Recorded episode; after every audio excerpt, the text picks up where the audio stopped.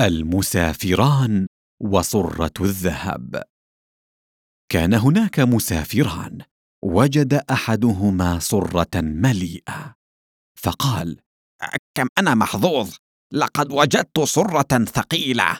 أعتقد أنها مليئة بالذهب.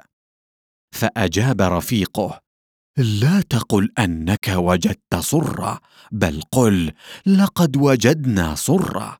كم نحن محظوظان فالمسافرون يتشاركون السراء والضراء. فأجاب صديقه غاضبا لا لا أنا الذي وجدتها وأنا الذي سأحتفظ بها. وفجأة سمعا صوتا توقف يا سارق. وعندما نظرا حولهما وجدا جماعة من الناس مسلحين بالعصي يجرون نحوهما. فخاف الرجل الذي وجد السره وقال سينتهي أمرنا إذا وجدوا السرة معنا. فأجاب صديقه لا لا لم تستخدم صيغة الجمع المرة السابقة فالزم صيغة المفرد وقل سوف ينتهي أمري.